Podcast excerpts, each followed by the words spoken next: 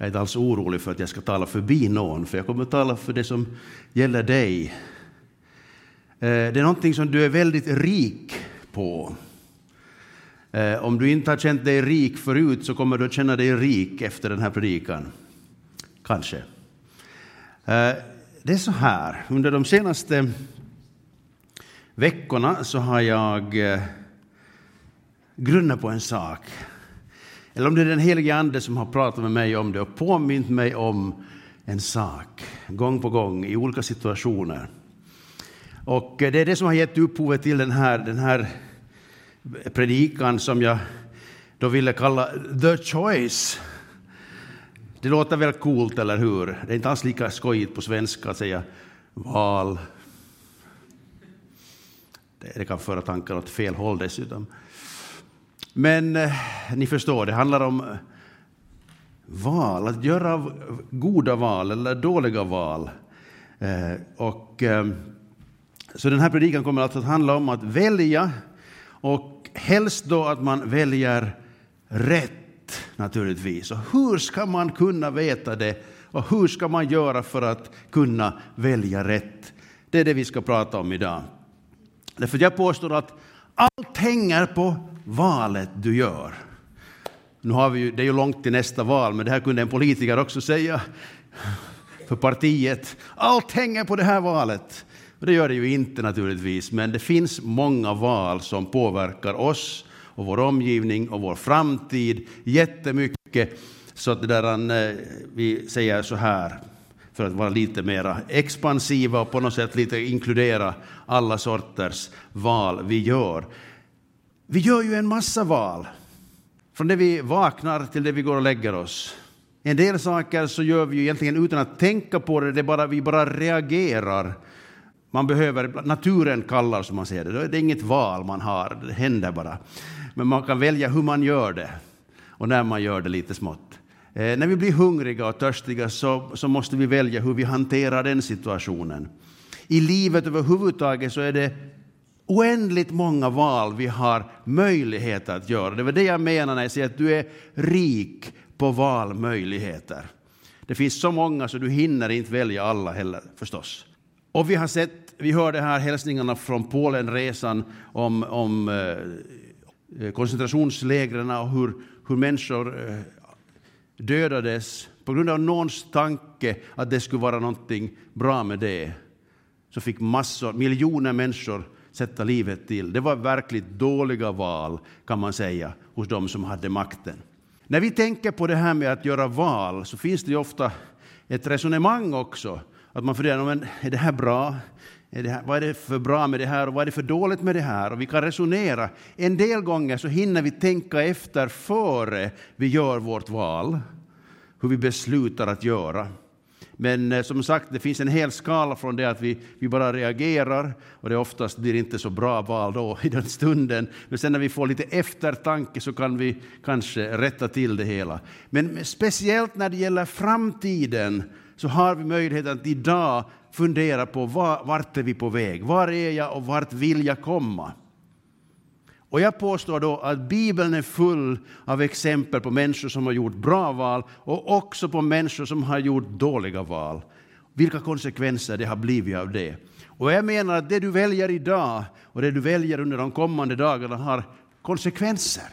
Och då tänker jag att vi här i församlingen gör väl i att fundera på det här. Vad säger Bibeln? Hur hjälper Gud oss att göra bra val? När han en gång har gett oss den här möjligheten.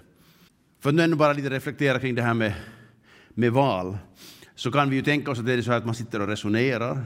Sen kan det ju också vara en sån här situation, att du har många saker som är möjligt för dig, men så är det kanske bara en dörr som öppnar sig. Och det är kanske där du måste eller vill gå in, istället för att eh, ta någon annan dörr. Eh, men sen kan ju nog också livet se ut på det här sättet, att man börjar gå in genom en dörr och sen måste man gå till höger eller så måste man gå till vänster och så vet man inte riktigt var man är och vart man är på väg än, så det går hit och det går dit. Men har man hjälp av någon, eller om man på något sätt fortsätter uthålligt så kanske man når fram till, till labyrintens centrum.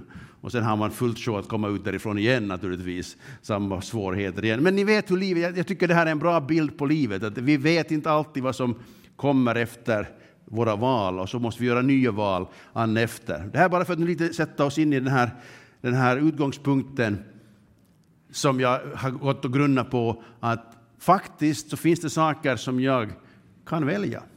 Och bakgrunden är det här, och jag vet inte om ni har samma erfarenhet, men det finns en del saker i mig som, som genom åren har visat sig vara dåliga val. Det finns många val jag ångrar.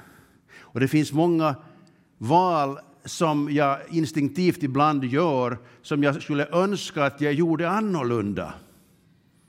Och det är det här som den helige Ande, tror jag faktiskt, har lite påmint mig om under de sista veckorna.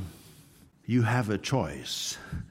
Jag vet inte varför jag pratar engelska ibland med, med den helige Ande, eller han pratar med engelska med mig, det är bara för att jag nu råkar tycka om engelska, kanske. Men, men så här blir det, och då, då, då, då har det fastnat det här. You have a choice. Att du är inte tvungen att göra och reagera och, och, och hantera saker och ting precis som du alltid har gjort, utan du kan göra annorlunda. Det är hoppingivande och det är framförallt Gud har inspirerat att vi får den tanken att jag, må, jag är inte dömd att alltid göra som jag alltid har gjort, utan jag har, har ett val. Gud ger mig ett val. Sen måste jag också ta det. Okej, okay, vi tar några exempel från, från Bibeln. Allt börjar med att Gud gjorde ett val, eller hur? Han valde att skapa livet på jorden och göra människan till sin avbild. Det var hans val. Sedan fick människorna en massa val, åtminstone ett val. Eh, och de valde att lyssna på en annan snarare än på Gud. Eller hur? Och tro mera på ormen än på Gud. Man valde också att göra som man ville och inte som Gud ville. Men Gud han valde fortsättningsvis någonting. Han valde att börja förbereda en utväg ur den fruktansvärda situation som människan valde att gå in i genom att man valde att gå bort från Gud och eh, gå sin egen väg. Men Gud hade inte, han valde inte att överge oss, utan han valde att förbereda en väg vidare. Vi läser om Mose. Gud valde att börja tala med Mose. Han utvalde Mose väldigt tidigt till att bli en räddare för det judiska folket. Och Mose valde att, att lyssna och lyda så småningom, kan vi väl säga. Det tog några 40 år i öknen för honom att liksom acceptera att Gud hade utvalt honom till ett speciellt uppdrag. Han ville hellre vara fåraherde i Midjans land. Han ville inte göra Guds vilja. Jag tycker det här är också bra att tänka på det när vi brottas ibland med vad är Guds vilja? Vill jag det? Vill jag det som Gud vill? Mm, det är ingen ny kamp i så fall. Mose valde till sist att gå till, uh, tillbaks till Egypten och han valde att liksom gå inför fara och säga att låt mitt folk gå. Och Gud valde att befria folket. Vi tar några exempel till helt snabbt här. Gud eh, valde ju sedan efter Mose att ge det här uppdraget att leda folket vidare till Josua. Och Josua valde att tjäna Gud. Och vi har det första bibelstället för idag som jag vill bara dela med er. Som jag vill att vi ska läsa högt, därför det här är ett centralt bibelord att förstå hur det kristna livet egentligen fungerar. Det, det fungerar just därför att vi väljer det. Vi väljer att tro på Gud, vi väljer att, att tjäna Gud, eller så väljer vi inte, eller så väljer vi att, att inte göra det. Men Josua han hade under ett långt liv vandrat med Gud och han hade sett Gud göra under. De hade intagit landet som Gud hade lovat dem och eh, fienderna hade fått eh, fly undan och så vidare. Men bland med i folket fanns det många som fortfarande hade med sig en hel del av Egyptens tankesätt livsstil och eh, avgudar. Och det här var ett dilemma för Josua, att folk valde att hålla kvar sina husgudar i, i hemmen. För han menar ju att vi är Guds folk, vi ska tjäna Gud och ingen annan.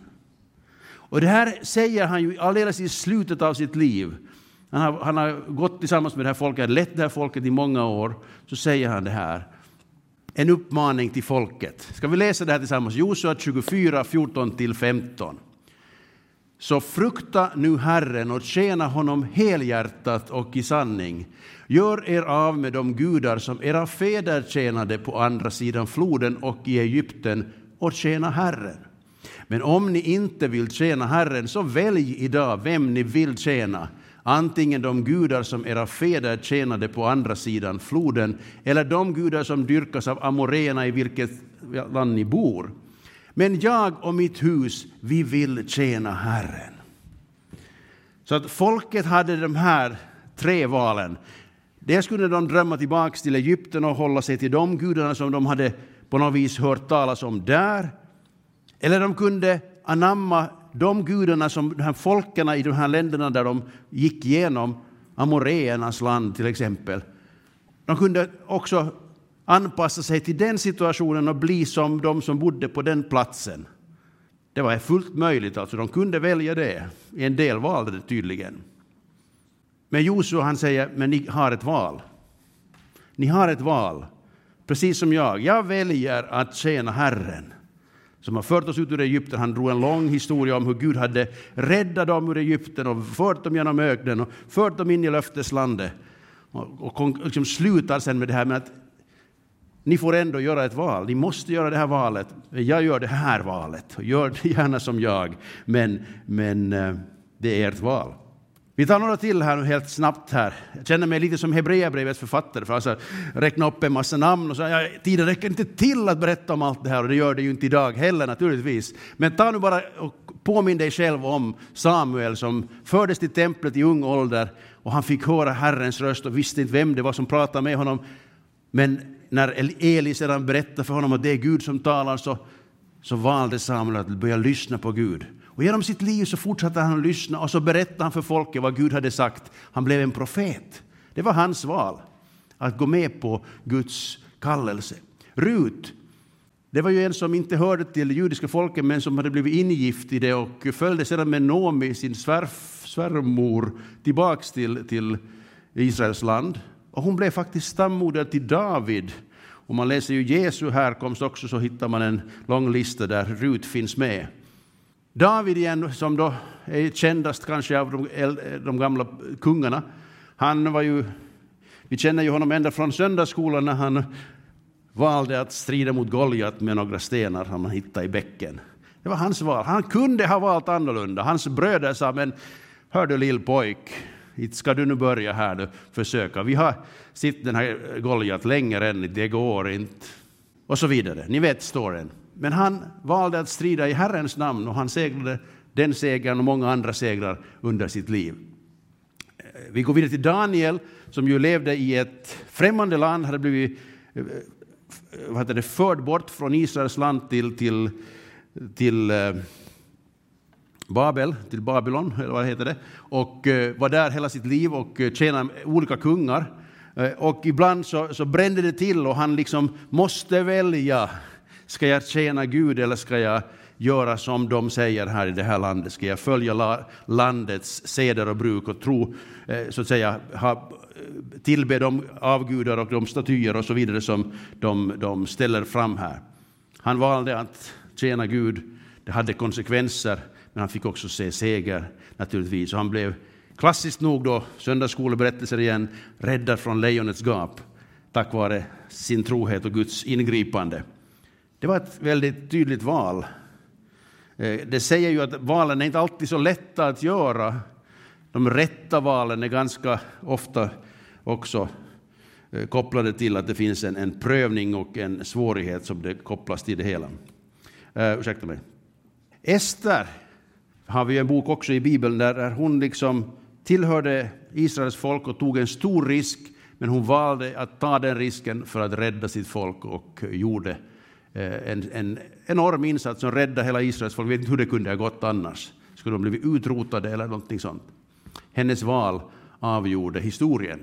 Och så har vi Nehemja här sist i listan, som också var där bort, långt borta, men engagerade sig i vad som hände i Jerusalem när hans brorsa kom och berättade hur muren är nedriven och folk går, kommer och går och det finns inget skydd för folket i staden.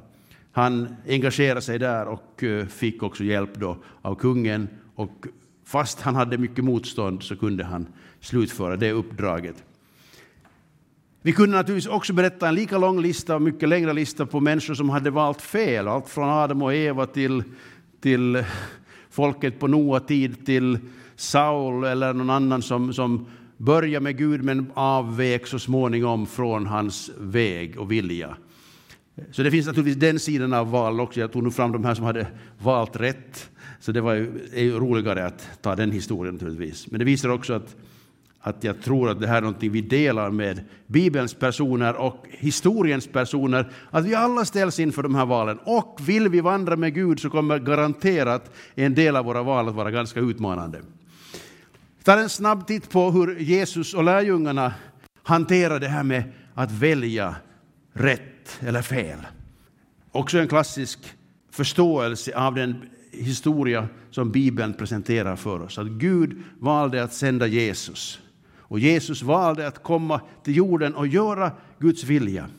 Det var någonting han gjorde varje dag. Han valde att göra Guds, Faderns vilja. Han valde också att välja ut tolv stycken. Det var många som följde honom, det var många som lyssnade på honom, det var många som trodde på honom, men han valde ut tolv stycken av dem. De fick en kallelse att följa honom och de valde att följa honom, eller hur? De här tolv. Han valde också andra faktiskt. Han sa till den rike mannen, gå, gå och sälj allt du äger och kom sen och följ mig. Kanske han skulle ha varit den trettonde lärjungen, who knows? Men han valde att inte följa Jesus. Så vi har det här väldigt tydligt, det här, när det gäller Jesus så finns det bara ett, eller det finns två val. Att följa honom och tro på honom, eller att inte följa honom och inte tro på honom.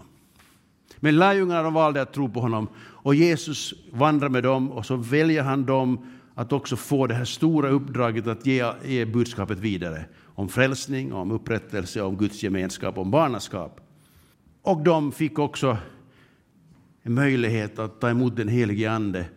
Det var också deras val faktiskt. Jag menar, vi, vi tänker ibland att det bara hände med dem. Men de följde ju faktiskt Jesu instruktion. Han sa gå till Jerusalem och vänta där tills ni får den helige Ande. Och där väntade de i bön på att någonting skulle hända. Inte visste de vad som skulle hända, men Jesus hade sagt att de skulle göra så här. Och de gjorde så här och den helige Ande kom över dem och gav dem kraft att ta sig an uppdraget. Så det, det är massa val här. Jag tycker vi kan läsa det här bibelstället från Johannes som, som på något sätt väldigt tydligt understryker det här stora valet de gjorde faktiskt i sitt liv. Johannes 6, verserna 66 till 71 ska vi läsa tillsammans. Efter detta drog sig många av hans lärjungar undan och slutade vandra med honom. Då sa Jesus till de tolv, inte tänker ni väl också gå? Simon Petrus svarade honom, Herre, till vem skulle vi gå? Du har det eviga livets ord och vi tror och förstår att du är Guds helige. Jesus svarade dem, har jag inte själv valt ut er tolv? Ändå är en av er en djävul. Han menade Judas, Simon Iskariots son. Det var han som skulle förråda honom och han var en av de tolv. Här ser vi ju den här det här valdilemmat som fanns mitt i lärjungaskaran. Att en av dem valde först att följa med Jesus, vandra med honom, lyssna på honom och sedan väljer han ändå en annan väg. Han avviker från att bekänna Jesus som Herre. Jag vet inte hur den här inre processen gick till för Judas naturligtvis. Men konsekvenserna var ju, som ni alla vet, att han förrådde Jesus. Och ändå, jag menar, tänk, tänk dig att Jesus gjorde valet. Han valde Judas. Han gav Judas chansen, definitivt. Och Judas började med att liksom svara positivt på Jesu kallelse.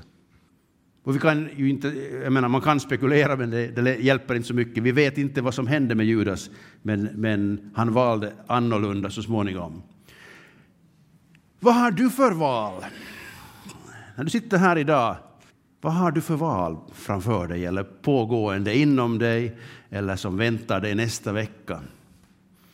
Man kan ju också, det här är en, en, en, ett uttryck som man ofta säger när man känner sig maktlös eller hjälplös eller Eller kanske, ja, vad har jag för val egentligen? Jag måste göra så här. Därför att de gör så, så måste jag göra så här. Det finns en hel del sådana mänskliga reaktionsmönster som, som bygger på att jag tänker att jag inte har något val. Jag upplever kanske också att jag inte har något val. Jag vill lite utmana den, den känslan, den tanken och säga att vi har, alltid, vi har alltid ett val, eller vi har alltid många val egentligen. Men vi kan ju ändå bara grunna lite på det här, vilka val vi lever i mitt i allt här just nu. Den här dagen, den här, det här året, Eh, i våra liv överhuvudtaget. Menar, alla gör vi grundläggande livsval. De kan göras ibland väldigt medvetet, ibland så kommer de, så att säga, de blir på något sätt bara givna åt oss eller vi anammar dem från att vi har sett andra göra likadant. Men det finns stora val när det gäller, ska vi ha ett liv som präglas av kärlek eller av hat? Det är ingen som, som är överraskad över att det finns mycket hat i världen. Det läser vi om och hör vi om hela tiden. Men det finns också mycket kärlek. Och det är någon som har gjort val på den här fronten. Ska jag leva ett liv driven av kärlek eller säga, sökande kärlek eller praktiserande kärlek? Eller ska jag låta eh, negativa känslor leda mig till ett hat som också leder till ett hatiskt tal och ett hatiska gärningar? Så att, ehm, och det här med att vad tänker vi att är rätt, vad tänker vi att är fel? Det här är någonting som pågår hela tiden. Att man så att säga säger men det här är rätt för mig. Man har ett resonemang där man försöker rättfärdiga sig själv oberoende vad man gör, vad man säger, hur man tänker. Medan Bibeln är väldigt tydlig att det finns någon som har sagt vad som är rätt, vad som är fel och vi behöver välja hur vi förhåller oss till det. Vi väljer hur vi lever vårt liv. Jag ska inte ta det här så jättelångrandigt det här men jag bara slänger fram det här att alla som är, har levt ett liv i arbetslivet har någon gång kanske valt en linje, en, en utbildning, vi har en del unga här som kanske är på väg att fundera, vad ska jag bli, vad ska jag utbilda mig till? Det här är ett jätteviktigt val naturligtvis. Och ibland så, så kan vi få det vi, vi önskar, ibland måste vi ta någon, någon annan väg framåt. Men det är en väldigt viktig del av vår livsprocess, det här att hur ska vi välja att leva vårt liv? Vad ska vi jobba med? Vem ska vi jobba med? Var ska vi jobba? Och jag menar att det här är viktiga saker vi ska fundera på. Relationerna, hur, vem umgås vi med? Vem gifter vi oss med? Vem... Och hur gör vi i våra relationer? Vad är det som händer där? Det är massor med val som vi gör hela tiden. Vad ska jag tro på? Vem ska jag tro på? Och så har vi den här inre processen av val. Vi har de här stora valen naturligtvis. Utbildningslinje. Jag ska flytta till Uleåborg eller de sådana stora val. Det är, det är ganska konkreta saker och de gör man då och då, sådana val. Men sen har vi vanliga små dagar som vi gör val hela tiden. Och det är det som kanske då landar närmast mig, att den här inre processen som jag har, de här små inre valen, hur jag ska möta varje dag. När jag går till jobbet, när jag kommer hem från jobbet, när jag rör mig på byn eller går till butiken eller när jag träffar folk. Vad händer i de här situationerna? Ibland så händer det saker som jag inte riktigt hade planerat. De bara händer och jag reagerar. Men jag tror att vi är kallade att börja liksom vara lite proaktiva i vår vardag också när det gäller att hur vi hanterar varandra, hur vi talar med varandra, hur vi väljer att göra. Och det är det här som på något vis nu är så att säga, kärnan av det här budskapet. Jag tror att Gud vill hjälpa oss med våra vardagsval. Mm? Det är någon som behöver hjälp med sina vardagsval. Nu talar jag inte om du ska ta ett eller två bröd till frukost eller kaffe eller te. Det, det är det nu. Jag tänker mer på det här just att, att hur ska jag bevara min frid? Eller Guds frid i mitt hjärta? Hur ska jag tala sanning? Vad är sanning? Hur ska jag kunna uttrycka godhet och tålamod och mildhet till mina familjemedlemmar eller någon annan? Hur ska jag, hur ska jag liksom kunna välja att vara lite mera som Jesus snarare än som mitt sämsta jag? Som ju också dyker upp ibland, förstås. Och jag tänker så här att om vi får ett samtal med den helige Ande, Herre hjälp mig att förstå vilka val som är bra idag. Hjälp mig att, att kunna särskilja på de där bra valen och de dåliga valen. Hjälp mig att vara förberedd på att göra rätta val snarare än att bara reagera och göra dåliga val. Det är vår kallelse. En av de större, större valen vi gör i vårt liv faktiskt, förutom att, så att säga, säga ja till Jesus och eh, be om frälsning och förlåtelse, det är kanske det största och viktigaste valet. Men det andra som följer efter det, det är frågan, vad Gud, när jag nu har kommit till dig, när jag har börjat tro på dig, när jag har börjat liksom bekanta mig med Guds rike och Guds vilja och Guds plan för världen, och jag på något vis är placerad här i den här tiden, på den här platsen, för att på något vis koppla ihop mig med Guds planer och tankar. Vad är min roll? Vad är min kallelse? Vad är min uppgift i Guds rike? Det är den, alltså en väldigt viktig fråga, en väldigt viktigt val vi har att göra. Och jag tänker så här att, att det är lite det jag nu vill lite utmana dig med, att tänka efter. Hur har jag uppfattat Guds kallelse till mig? Finns det någonting som jag behöver jobba med? Finns det någonting som han har talat till mig? Är det någonting som jag anar att finns där men som jag aldrig riktigt har undersökt eller öppnat upp för och låtit Gud tala in i mitt liv? Har Gud ett uppdrag för mig i min vardag? Har Gud ett uppdrag för mig i mina relationer? Har Gud ett uppdrag för mig i mitt jobb? Självklart, tänker man ju, det har han. Men i praktiken så lever vi ju ändå ganska mycket utifrån det att ja, men jag behöver nu göra det här och jag måste göra så här. Och, och Gud hjälp mig och välsigna mig för att jag ska klara av det här. Och det är också bra. Men jag tror att Gud har en större plan och tanke med ditt liv.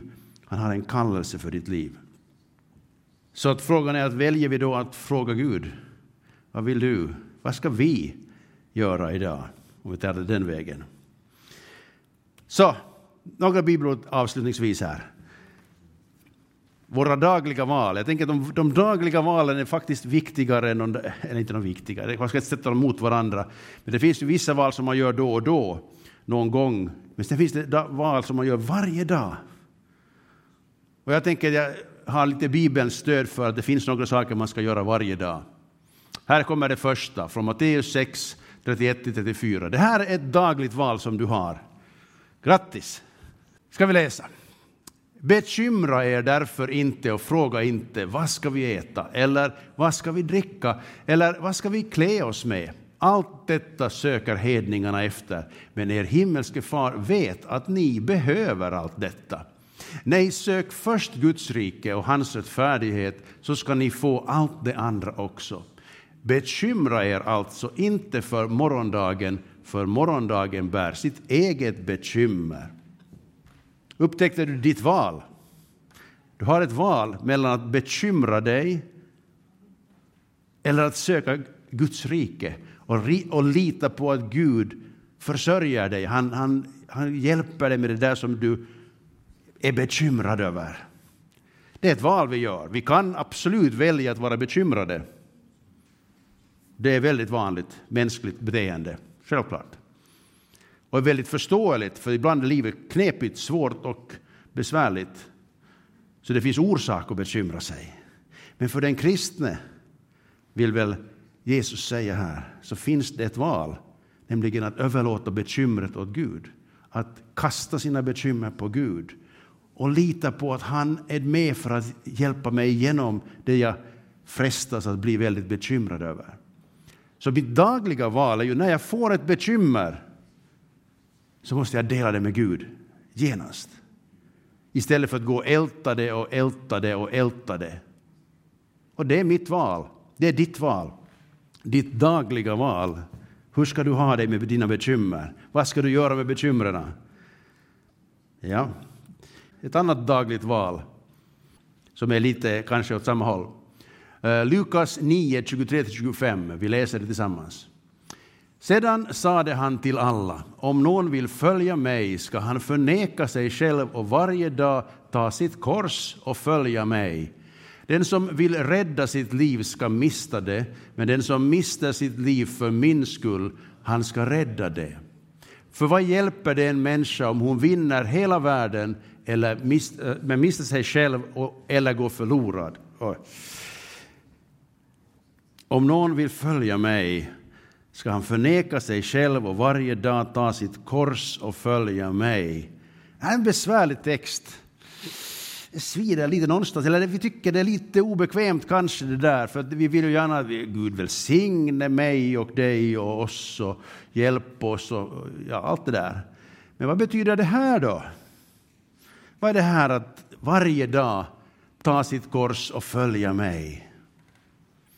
Det finns säkert flera förklaringar till det här, eller, eller utläggningar man kunde göra, men jag tänker nog så här faktiskt, i det här ljuset av vårt dagliga val, så var det ju, om man om tar kopplingen till korset, alltså Jesus valde korset därför att det var Faderns vilja att han skulle rädda mänskligheten från synden och döden och djävulen.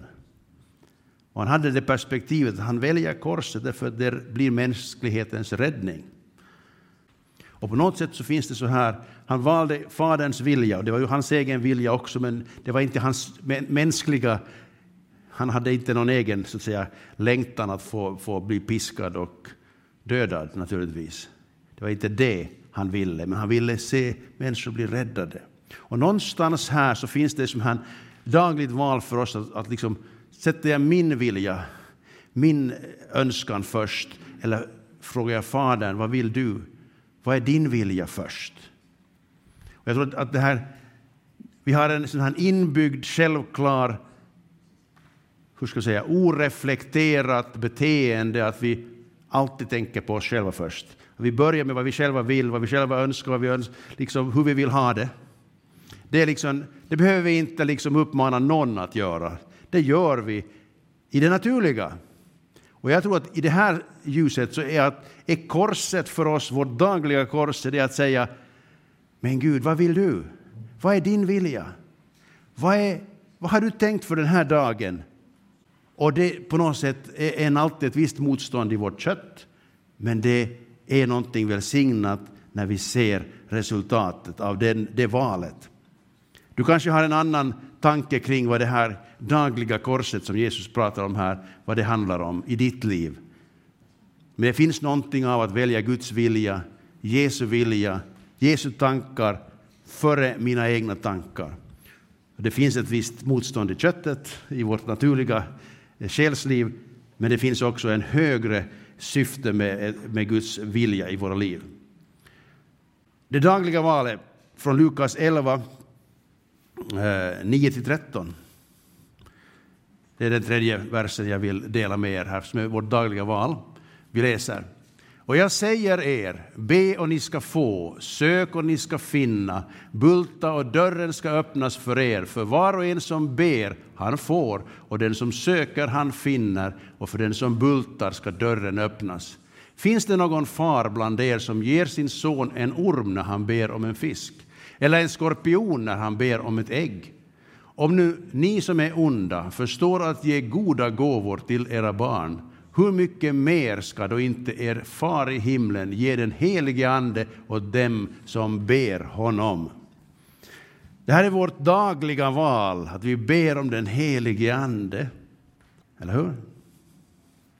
Vi får den helige Andes input, om man säger så, i våra tankar, i våra, vår förståelse, i våra känslor till och med. Jag tror att vi allt för ofta väljer att gå liksom, försöka själva tills vi hamnar in i återvändsgränden och sen inser vi men Gud, det är bara du som kan hjälpa mig. Och det är sant.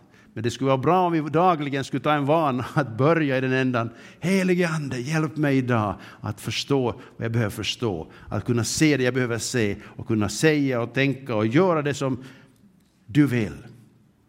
Och det här är något som är så väldigt centralt för Jesus. Han vandrade i anden och gjorde det han gjorde i anden, i samarbete med anden. Lärjungarna fick uppleva den helige ande och de samarbetade med den helige ande. Läs apostlagärningarna så får du se hur mycket de var beroende av den helige andes ledning. Och vi är inte annorlunda, naturligtvis. jag vill bara påminna dig om att du har det här dagliga valet att be den helige ande leda dig. Så här några bara lite, lite påminnelse igen. Välj Gud först. Gör det varje dag. Och fråga den helige Ande om hjälp. Så allra sist här då. Så har jag faktiskt den här lilla utmaningen och frågan till dig. Att eh, i samma så att säga, ordning som de här tidigare sakerna är att om du inte är född på nytt, om du inte är frälst, om du inte har blivit ett Guds barn så kan du göra det idag. Du kan välja det idag att säga Jesus tack för att du finns och för att du älskar mig och för att du kan göra mig till Guds barn idag. Du kan förlåta mina synder, du kan göra mig till en av familjen. Det är ditt val. Säga tack, jag tar emot det, eller jag säger nej tack, jag bryr mig inte. Det är ditt val. Om du inte vet vad Gud vill med ditt liv, men du vill veta det, så då är du en lycklig människa, ska jag tala om för dig, för då har du så mycket underbart framför dig där Gud vill visa dig vad han har tänkt för dina återstående dagar av ditt liv. För jag tycker att, att när man läser Bibeln, när man ber om Guds ledning, så öppnar sig saker och ting efter. Vi är alltid nog lite långsammare att förstå än vad vi skulle önska. Eh, vi, vi, liksom, vi får ta tid på oss. Men genom att fråga Gud, Herre, vad vill du att jag ska göra? Så får den helige Ande ingång i ditt sinne så han kan tala in just det i ditt liv. Det är ditt val, alltså att fråga Herren. Eh, det är också ditt dagliga val att söka, lära känna Guds vilja. Och var hittar vi den om inte i Bibeln? Jag hoppas du också hör Guds röst i gudstjänsten. Men jag tänker att den dagliga bibelläsningen och bönen om att den helige Ande ska undervisa dig, det är det som kommer att förändra ditt, din framtid. Och det sista då, fråga alltid den helige Ande om hjälp. Jag, jag tycker att jag kan inte påminna mig själv tillräckligt mycket om den här saken. Att i alla situationer be den helige Ande om hjälp. För vi halkar lätt tillbaks till att försöka själva. Och det blir aldrig riktigt bra val av det. Det var min korta, tyckte jag själv kanske. Den var inte alls så kort, men det där... Det finns så mycket i det här ämnet man kunde gräva i, så därför var det snabba ryck här nu. Men i alla fall, det tog tid ändå. Hur som helst, vi ska avsluta med att be. Och eh, därför jag tänker att alltid när man får en, en, en, undervisning om någonting som på något sätt utmanar en, eh, där det finns något som berör ens om, eh, livssituation, ens inre liv på något sätt, så är det också en möjlighet att välja att gå till Gud med den längtan, den, det behovet, det bekymret, vad det än är som har väckts i ditt sinne, om någonting har väckts i ditt sinne just nu. Om du behöver råd för dina val, om du behöver vishet för att förstå vad som är rätt och fel, om du behöver Guds hjälp för att leva i hans kallelse med ditt liv, då ska du säga det åt honom. Du ska välja att gå till Gud med det. Jag tycker vi ska sluta ögonen allihop. Och eh, det är bara du och din relation till Gud som du kan ha i fokus just nu. Och vill du att vi ska be för dig, att, vi ska ta med dig i bönen, om du vill uttrycka att du har något behov på något av de här områdena när det gäller att välja vad som är Guds vilja, så, så kan du bara räcka upp handen så ska vi ta med dig i bönen. Gud ser ju din hand, era händer. Gud vill hjälpa dig att välja rätt och lära dig hur du ska gå tillväga för att få tag i hans vilja som alltid är rätt för dig. Nu ber vi. Tack Jesus för att du valde att komma till världen för att uppenbara Faderns oändliga kärlek till oss. Tack för att du valde ut lärjungar för att de skulle förmedla det här budskapet till fler och fler, ja till hela världen. Tack för att vi har fått också välsignelse av att någon valde att komma till Finland med evangeliet. Tack för att vi idag får leva i ett samhälle där vi har gudstjänster, där vi har församlingar som fortsätter att påminna om vad du har visat oss, om din frälsningsväg, om din godhet och din närvaro i våra liv. Jag tackar dig för att du har påmint oss idag om att välja ditt rike först, att välja att gå din väg, att söka din, din vilja i våra liv. Tack för din kallelse till oss, Herre, till frälsning, till gemenskap med dig, till barnaskap. Herre, tack för att du också har kallat oss att söka din vilja varje dag, att göra de här dagliga valen att vara nära dig. Och därför så vill jag välsigna dem som har räckt upp sina händer. Herre. Du vet vad det handlar om. Du vet vad de söker efter, Herre, vad de längtar efter. Och nu ber jag att du ska låta dem få uppleva det. Herre, som svar på bön. Herre. Tack för att du har hört deras bön och du vet vad det gäller och du kommer att gå med dem under kommande dag. Herre, hjälp dem att göra de rätta valen. Hjälp dem att förstå vad som är din vilja och ge dem också den här viljan inifrån att gå din väg, även när det kostar på, även när det blir motstånd utifrån, även när den egna inre världen är lite i motstridiga processer, Herre, så vet jag, Herre, att du vill hjälpa dem att gå din väg. Tack Herre för att du har en underbar framtid för var och en som kommer till dig.